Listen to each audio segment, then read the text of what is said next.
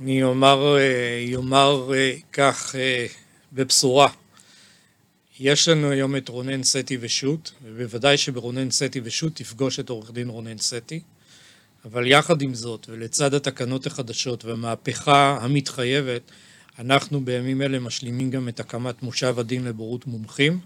שם למעשה תהיה פריצת דרך עצומה שמעבר לרונן סטי יהיו בוררים נוספים, בוררים שהם גם לא רק עורכי דין אלא צוותים, למשל בפרויקט בנייה, צוות של עורך דין יחד עם מהנדס שינהלו בוררות בשניים. זאת פריצת דרך, עד כמה שאני יודע גם ברמה הבינלאומית, כדי להביא לפתרון סכסוך הרבה יותר יעיל, יותר מהיר ואפילו cost effective.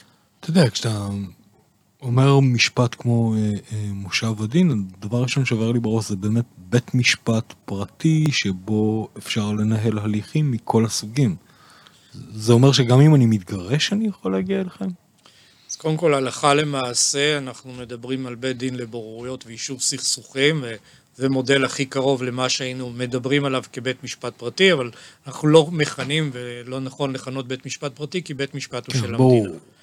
לגבי נושא של גירושין, יש מספר תחומים שבהם אי אפשר ללכת לבוררות. למשל, נישואין וגירושין, אי אפשר להסדר גט, אי אפשר לקבל מבורר.